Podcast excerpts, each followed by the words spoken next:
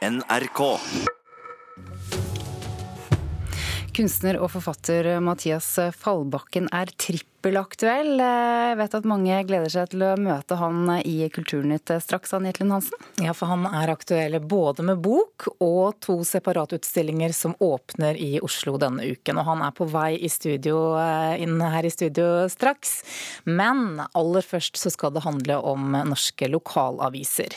For de som lager lokalavisene er bekymret for hvordan de skal få levert avisene ut til abonnentene sine når nye postregler trer i kraft.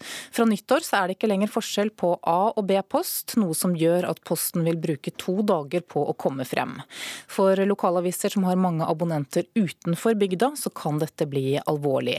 Og redaktør Bengt Flaten i avisa Fjordingen i Stryn er en av dem som er bekymret for hvilke konsekvenser dette får. Dette er rett og slett fryktelig. Dette er katastrofalt for, eh, for avisene og for eh, abonnentene våre. Bengt Flaten, som er sjef for den lille lokalavisa Fjordingen i Stryn, er bekymra for framtida. Den vedtatte stortingsmeldinga om Posten får nemlig store konsekvenser for avisa hans. Årsaken er som følger. Fra nyttår av skilles det ikke lenger mellom A- og B-post, og alt skal inn i én strøm, hvor det vil ta to dager før posten kommer fram. Så mye som en tredjedel av opplaget til Fjordingen sendes ut til abonnenter som ikke lenger bor i bygda.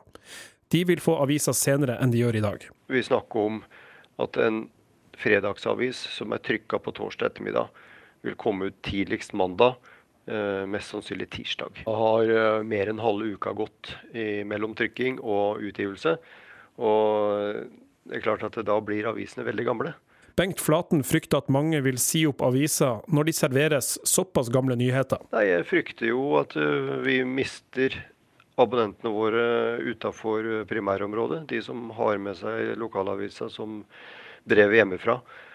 Eh, og, og er trofaste abonnenter. Eh, jeg er redd at de eh, slutter å abonnere på avisa vår. og eh, i, i beste fall eh, blir igjen som rene digitale abonnenter. Kan man ikke forvente i eh, 2017 at eh, leserne eh, like gjerne kan lese Fjordingen som e-avis, som at de skal ha den fysisk i hende?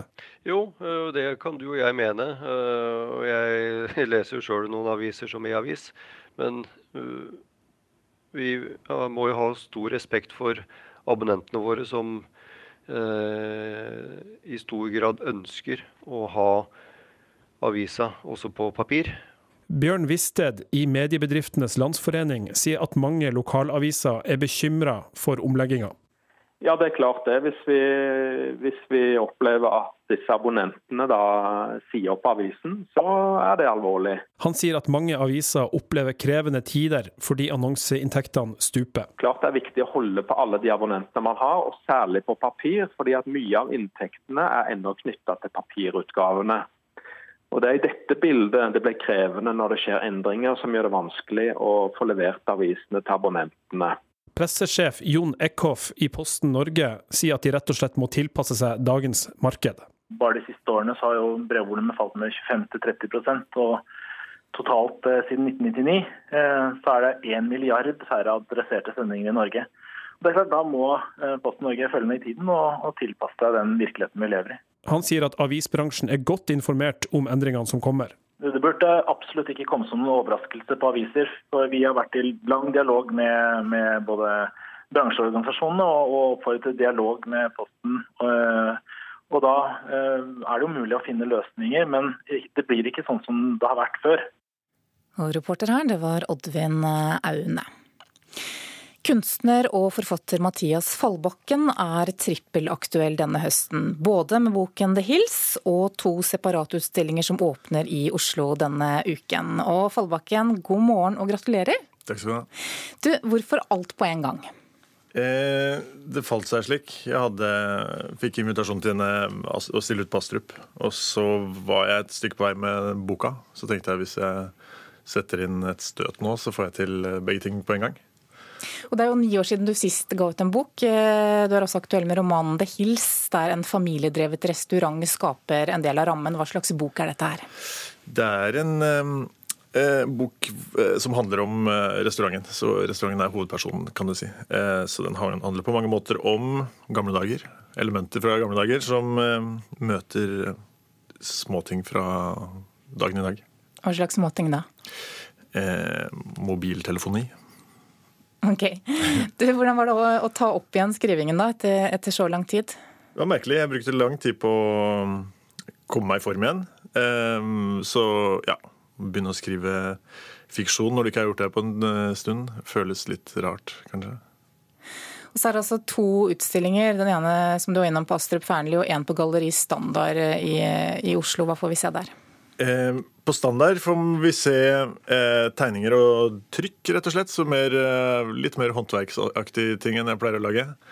På eh, Astrup så er det mer en, det man kaller en survey. Så det er de siste åtte-ti årene liksom, formater jeg har jobbet med gjennom det siste tiåret, som kommer i ja, mye nye versjoner der.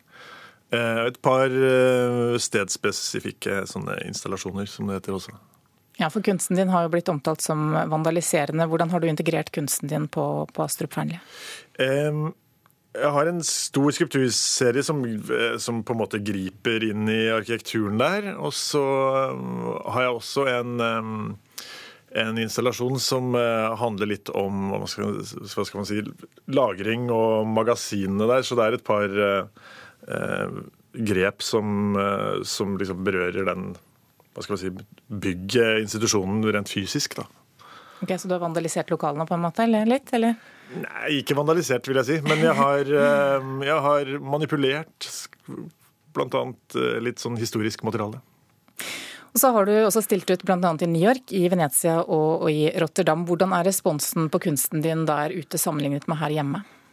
Eh, Litt vanskelig å si. Altså, her hjemme så kjenner man både bøkene og kunstnerskapet mitt, så bildet er litt større her hjemme, faktisk. Ofte i utlandet så kjenner man bare til kunsten. I de stedene hvor, eh, hvor eh, ikke bøkene er oversatt, i hvert fall. Mm. Og så har du sagt at det å true seg selv med å gi opp, det gir deg mer drivkraft. På hvilken måte? Eh, nei, hvis man ikke tar eh, hverdagen som en selvfølge, så jeg vet ikke. Så går man en eh, ekstra runde hver dag og finner ut hvorfor man gjør det man gjør. Hva er, det, hva er det neste på trappene nå etter dette her? Det neste på trappene nå er en liten pause fra og med lørdag morgen. Og så, um, um, og så har jeg tenkt å skrive mer, faktisk. Ok. Lykke til, da. Takk skal du ha. Takk for at du kom i studio, Mathias eh, Fallbakken. Takk.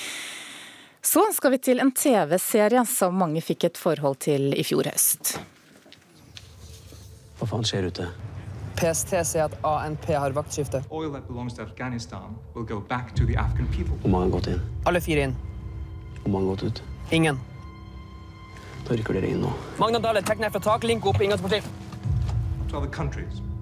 It is a first step towards vi hørte der et utdrag fra TV-serien Nobel, fred for enhver pris, som gikk på NRK eh, forrige høst. Og den ble i går kveld hedret med en internasjonal pris, reporter Oddvin Aune. Det stemmer. Det er snakk om en eh, prestisjefylt og veletablert pris, nemlig Ros d'Or, eller Gullrosen som den også heter. Den deles ut av Den europeiske kringkastingsunion, der det er over 160 ulike medlemmer. Denne serien, eh, som da er produsert av Monster, fikk i går prisen for beste dramaserie, i konkurranse med mange storkanoner, deriblant den britiske Netflix-serien The Crown, som eh, mange sikkert har sett. Og Jeg snakka i morges med prosjektredaktør i NRK, Tone C. Rønning, som naturlig nok er veldig stolt. Jeg blir jo veldig, veldig glad. Og spesielt fordi at konkurransen er så hard. Altså, her er vi nominert sammen med The Crown. Og sammen med The Night Manager og uh, The Young Pope. Og de, det er liksom serier som har talenter og ressurser. Uh, og spesielt ressurser da, som vi ikke kan måle oss med. Det er jo et uh, Europa- slash verdensmesterskap. Det sa altså prosjektredaktør Tone C. Rønning og reporter Oddvin Aune. Dette er jo ikke den første prisen som denne serien vinner heller. Nei, den vant i fjor høst også eh, prisen Pri Europa, da i konkurranse med 25 dramaserier fra hele Europa. Og det har vært relativt stor internasjonal interesse for, eh, for denne serien, og den er kjøpt opp av en global distributør for eh, TV-serier internasjonalt. Og den er fortsatt tilgjengelig også for publikum her hjemme? Det stemmer. Ligger, hele serien ligger ute på NRKs nettspiller, alle sju episodene. Ok, Takk skal du ha, reporter Oddvin Aune. I fjor så skapte forfatter Vigdis Hjort stor ståhei med romanen 'Arv og miljø'. Debatten gikk høyt, boksalget gikk strykende, og det drysset av priser.